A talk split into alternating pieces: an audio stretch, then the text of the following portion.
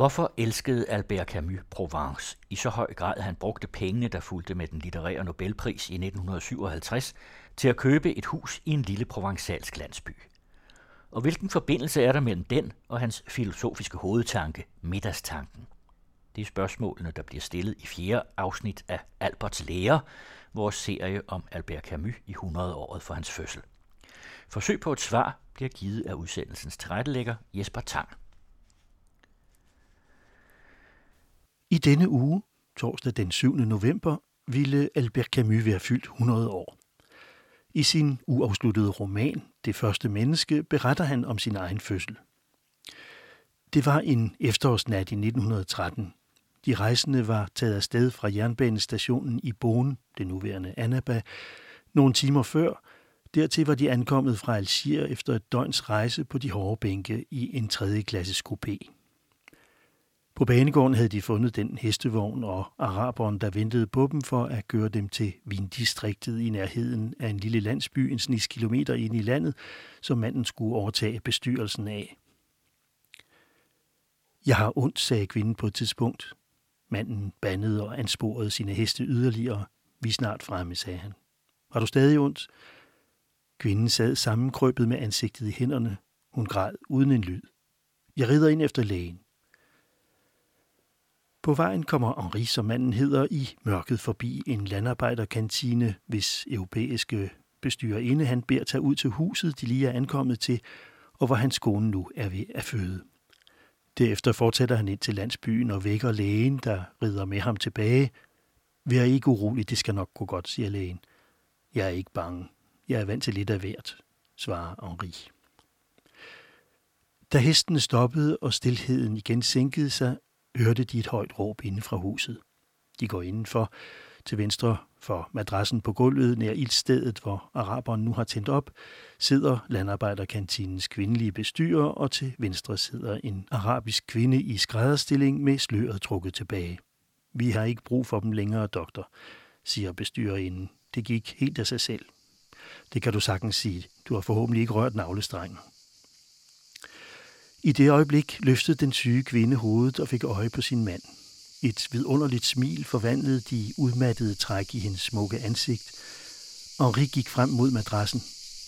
Han er kommet, brustede hun og rakte hånden frem mod barnet.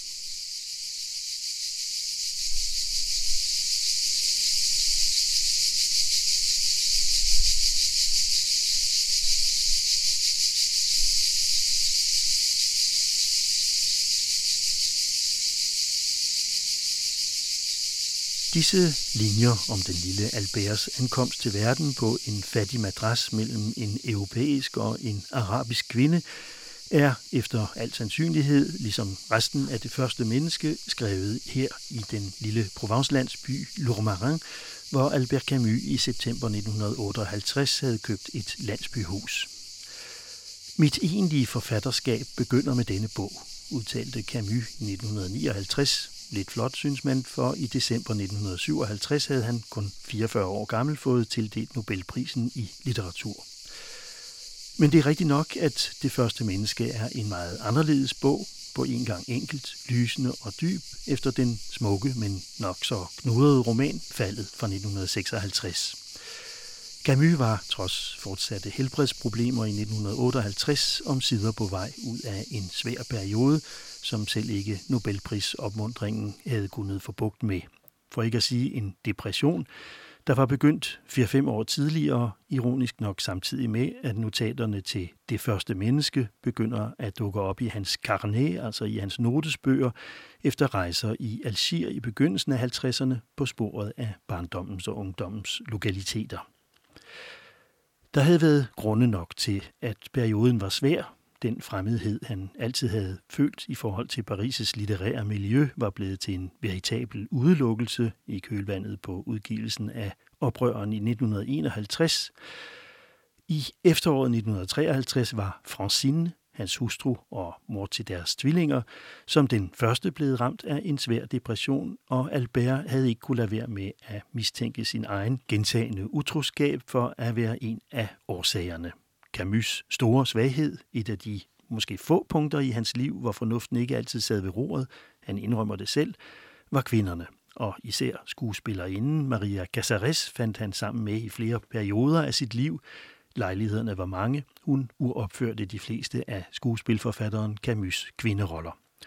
Og når Jean-Baptiste Clamence, jeg fortælleren i faldet, revser sig selv for sit for overfladiske forhold til for mange kvinder, kan man ikke lade være med at høre Camus' stemme.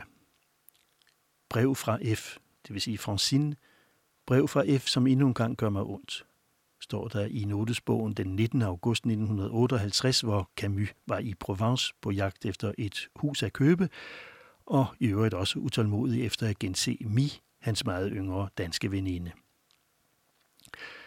Men måske endnu mere tyngende var forfatteren Camus' krise. Angst og tvivl med hensyn til, om han overhovedet var i stand til at fortsætte forfatterskabet. Var han løbet tør? Nej, kan man se i bagspejlet, som han til gengæld ikke havde. Det første menneske er, skønt ufærdig fra Camus' hånd, et litterært hovedværk. Camus' ambition var blevet til virkelighed, ambitionen om at skrive den bog, alle de foregående pegede hen imod, og som markerede indgangen til forfatterskabets tredje cyklus, nemlig kærlighedens, efter den absurde cyklus og oprørets. Huset i Lomarin var det ideelle skrivested. God gejst hele dagen i det strålende lys. Jeg kan mærke al min kraft, skriver han i notesbogen den 18. oktober 1958, og den 19. uophørligt lys. I det tomme hus, uden så meget som et møbel, står jeg og ser vildvinens visne røde blade blive skubbet ind i huset af en kraftig vind. Mistralen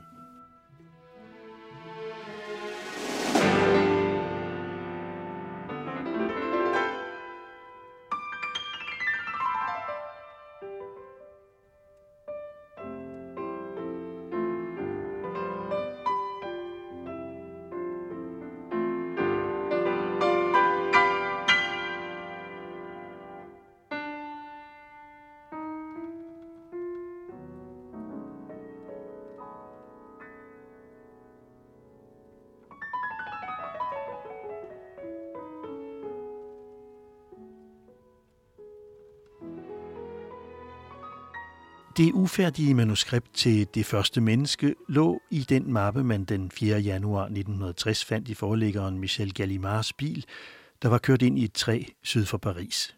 Camus var blevet dræbt på stedet, Michel Gallimard døde fem dage senere, og de var på vej hjem fra Lourmarin, hvor Camus var så lykkelig over at have genfundet inspirationen, at han som så tit havde taget et par dage ekstra, selvom han havde billet til toget hjem sammen med Francine og børnene nogle dage før. Men hvorfor Lourmarin, hvor Camus jo et blev begravet på den lokale kirkegård en uge senere? Hvorfor Provence? Camus havde formodentlig allerede i slutningen af 1930'erne været i den lille landsby for foden af det bratte Luberonbjergs sydside, først på den flade slette ned mod Durance-floden og Aix-en-Provence. Hans filosofilærer på gymnasiet i Algier og senere ven, Jean Grenier, havde haft hus i landsbyen siden 1920'erne, og i 1948 havde Camus besøgt byen sammen med digteren René Char, som i en af de eneste tekster, han har skrevet om Albert Camus, fortæller om deres første køretur i 1946 fra Avignons banegård til Ile-sur-Sorgue, hvor Char boede. Jeg forstod på det overstrømmende udtryk, der lyste op i Camus' øjne, at han der kontaktede et landskab og nogle mennesker, som havde badet i det samme lys og forlængede det alsirske landskab, han følte så stor hengivenhed for, men grønnere, mere farverigt, fugtigere. Provence var det nærmeste Camus i Frankrig kom barndommen, de samme druesorter på markerne, som på dem hans ukendte landarbejderfar gik i, de samme farver, lyset og varmen. Bølger af lys falder ned fra himlens tinde og springer voldsomt op igen over landskabet omkring os. Begynder Camus' essay Gåden fra essaysamlingen Sommer i 1954. Alt tiger foran dette brag, og Lyberon for mine fødder er en kæmpe blok af stillhed, som jeg uophørligt lytter til. Jeg spidser ører. Nogen kommer løbende op imod mig i det fjerne. Usynlige venner kalder på mig.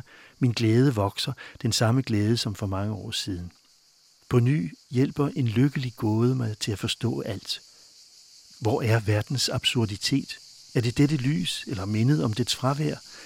Hvordan har jeg kunne satse på fraværet af mening med så meget sol i erindringen?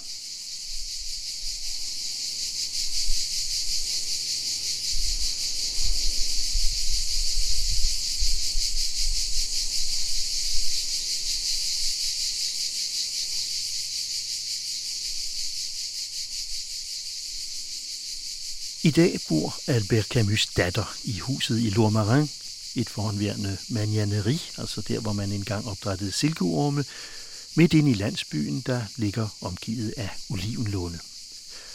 Hun hedder Katrin, ligesom Camus' mor, og hun udgav i 2009 et stort album med citater fra Camus' forfatterskab og en vidunderlig samling billeddokumenter til belysning af Camus' liv og forfatterskab.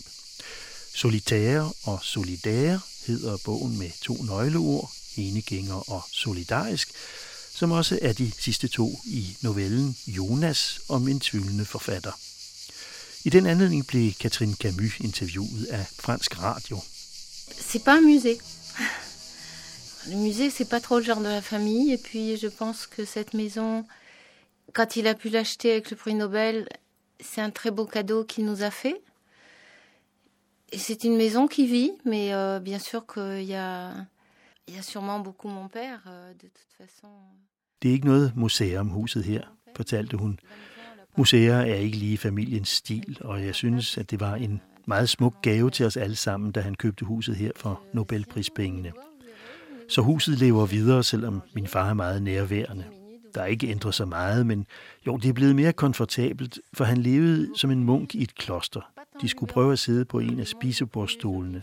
Efter 10 minutter er man ikke sulten mere. Så ondt har man bag i. Det var René Char, der viste mine forældre rundt, i begyndelsen i hans del af Lyberon, men der fandt de ikke noget. Og det er jeg godt tilfreds med, for denne her del af Lyberon er ikke så snobbet. Eller, der bliver også mere og mere snobbet her, det må jeg indrømme. Men har også mere toskansk. Min far sagde altid, bag bjergene der er havet. Han savnede havet, men han kunne ikke bo ude ved vandet på grund af tuberkulosen. Il y a la mer. Parce que la mer lui manquait, mais je pense aussi qu'il pouvait pas trop rester au bord de la mer à cause, à cause de la tuberculose. Og ingen tvivl om, at Catherine Camus er datter af. C'est-à-dire que j'avais déjà deux enfants, que je voyais que mon couple il était pas terrible, et que j'avais pas l'intention d'être punie toute ma vie. Parce que ça, c'est très fort. Je pense que papa m'a pas mis sur terre pour, pour aimer le malheur. Alors j'avais déjà tenté euh, les lettres, parce que j'adorais lire. Men enfin, la Sorbonne, j'étais parti au bout Jeg havde allerede to børn og kunne godt se, at mit parforhold ikke var det bedste. Og jeg havde ikke i sinde at lade mig straffe livet igennem. Det er vigtigt, synes jeg. Papa havde ikke sat mig i verden for, at jeg skulle elske ulykken. Jeg var begyndt at læse litteratur, for jeg holdt meget af at læse. Min yndlingslæsning som ung var De Tre Musketerer, så min far købte alle Dumas bøger til mig. Men på Sorbonne har de en måde at analysere bøger på, som man hurtigt ikke har lyst til at læse mere. Knastørt, den rene ligebrænding. Der er ingen kød på mere. Drømmen er forsvundet. Man får at vide, hvad man skal mene, og for mig er litteratur tværtimod en dialog, et møde mellem værket og læseren. Og oven i det hele ventede de alle sammen på, hvad Albert Camus' datter nu skrev, som om de forventede, at jeg skulle skrive den fremmede. Nej, jeg gik der et års tid og var alt for umoden. Jeg gik op til eksamen, skrev mine opgaver og puttede den i lommen og afleverede et stykke hvidt papir i stedet. Og da matematik var lukket land for mig, begyndte jeg at studere jura. Og det er jeg sådan set glad for. Det hjalp mig, satte lidt orden i mine kaotiske tanker. Les maths, ça m'était interdit. Donc j'ai fait du droit. Mais je suis contente d'avoir fait du droit. Ça m'a bien aidé. Puis ça met un peu les idées en place. J'étais un peu foutoir dans la tête quand même. Efter at have arbejdet som advokat i en årrække, overtog Catherine Camus i 1980 administrationen, både den kunstneriske og den økonomiske, administrationen af Albert Camus' forfatterskab, som hun bestyrer meget åbent, siger hun, fordi hun ikke føler, at hun har nogen som helst forudfattede meninger om, hvordan værket skal opleves. Jeg er lidt gammel til stadig at arbejde, siger Catherine Camus, født i 1945, men jeg gør det med glæde. Det er lidt som at arbejde for en sag, for jeg tror, at min fars tekster gør godt. Han åbner for livet, slipper frisk luft ind og frihed. I 2000 forærede hun og hendes tvillingebror Jean Camus farens private arkiver til Méjeanne-biblioteket i Aix-en-Provence, men Les gens sont plus royalistes que le roi, toujours. Donc, euh, euh, les oukases de Sartre continuent de fonctionner. Euh, Par exemple, vous avez euh, toutes les archives de mon père sont, sont à Aix-en-Provence, Mhm. à la Méjeanne. Folk er mere kongelige end kongen selv, Sartres forordninger har stadig ørenlyd. Alle min fars arkiver befinder sig, som sagt, for eksempel i Aix-en-Provence på Méjeanne-biblioteket, og 10 minutters gang derfra ligger det humanistiske fakultet, hvor man forbyder de studerende med lyst til at skrive om Camus at gøre det, fordi, siger man, at der er skrevet så meget om ham i forvejen. De ved ikke engang, hvor rigtigt materiale der ligger og venter bare 10 minutters gang borte, og hvor de kan arbejde, når de vil, for der er gratis adgang. Min far er heller ikke særlig velset på de andre universiteter, og jeg mener også, at venstrefløjen er forblevet lidt tøvende. Faktisk tror jeg personligt, at Sartre var et meget venligt og gavmildt menneske og en ægte forfatter. Jeg har intet imod ham, udover at han gik efter mennesket og ikke efter værket. Et en plus, euh, Sartre, je pense que c'était quelqu'un d'extrêmement généreux, que c'est un vrai écrivain. Moi, j'ai rien contre lui, sauf qu'il a attaqué l'homme et pas l'œuvre.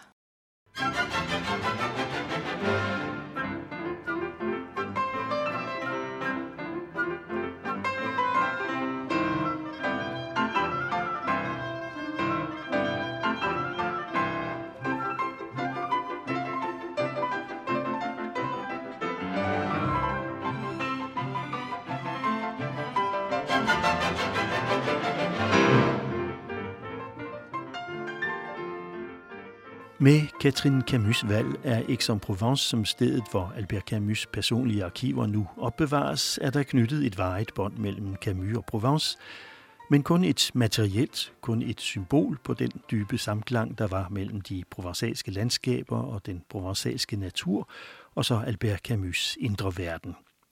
Nøglen til den samklang er i høj grad René Char, Camus' seks år ældre forfatterkollega, provençaler af fødsel og altså som Camus i ordets bedste forstand fra provinsen, selvom den håndværkerfamilie Char blev født ind i var væsentligt mere velhavende end landarbejderen Lucien Camus.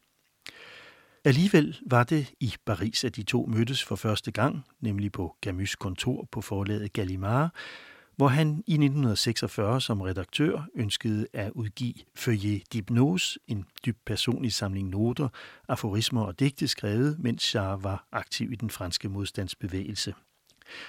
Men allerede samme efterår blev den professionelle kontakt til en personlig, ukunstlet, snart ironisk, snart alvorlig, smidige, men ikke overdrevent afslappede bevægelser, behersket, men ikke spor søgt, pludselig diskretion i samtalen på grænsen til en for tidlig fortrolighed, lyder Charles første indtryk af Camus, da de mødtes i Ile sur la Sorgue, hvortil han havde inviteret sin forlægger.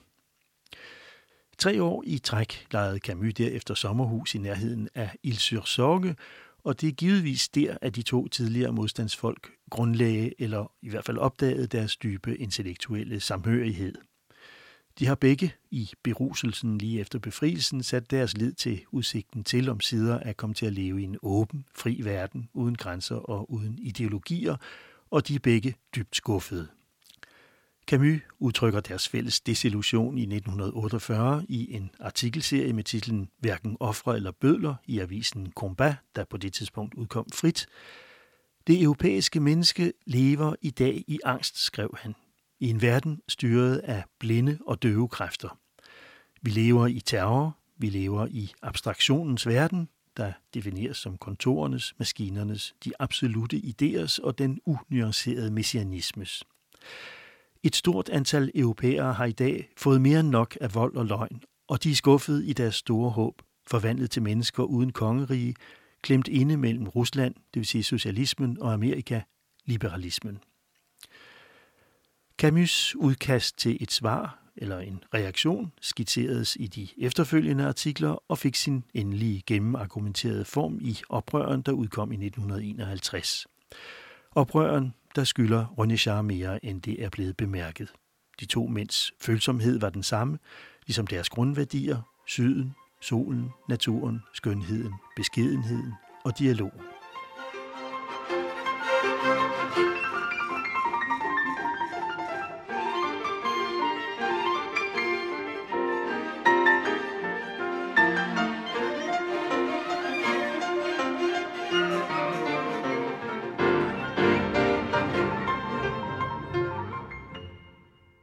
Den store, den endelige revolution, verdensrevolutionen, er en pervertering af Camus' begreb revolt, altså oprør, mener han selv. Når mennesket rejser sig og siger nej, er det ikke i en idés navn, ikke i historiens, ikke i en abstrakt tankes eller i fremtidsutopiens navn, men derimod i frihedens, retfærdighedens, hederlighedens og menneskelighedens. Alle de sidstnævnte værdier vil verdensrevolutionen gerne skrive under på, men dens fatale fejl er, at den tager dem for pålydende og overdriver dem. Mest katastrofalt begrebet frihed, som den tror betyder frihed til alt, altså også friheden til at myrde og herve. Og at den kalder den frihed for retfærdig, fordi den påstås at være vejen til et kommende ideelt lighedssamfund. Camus afviser både det absolute ideal og udsættelsen. Han kræver en renaissance, en renaissance i form af det, han kalder en mere beskeden utopi. Selv i sin største kraftanstrengelse kan mennesket højst sætte sig for aritmetisk at formindske verdens smerte. Vores pligt og eneste chance er la mesure, som i den danske version af oprøren er blevet til mådehold, og det er også helt korrekt, men med en kedelig, tvungen undertone. For det handler om en meget afklaret balance, som helst skulle gå os i blodet som indlysende. Camus nævner selv den græske gudinde Nemesis, der straffer overdrivelsen og hovmodet og forsvarer det, man kunne kalde tingenes naturlige orden. Hun er evig og altid på nakken af hybris, der forstyrrer denne orden, og som Camus godt ved også er og bliver et iboende element i os. Middagstanken kalder Camus dette princip, der garanterer det hederlige, det sande oprør og holder det på sporet. Middagen, midt på dagen, er det tidspunkt, hvor solen står højst, det modsatte af midnatsmørket, som Camus mener, at efterkrigstidens Europa har begravet sig i.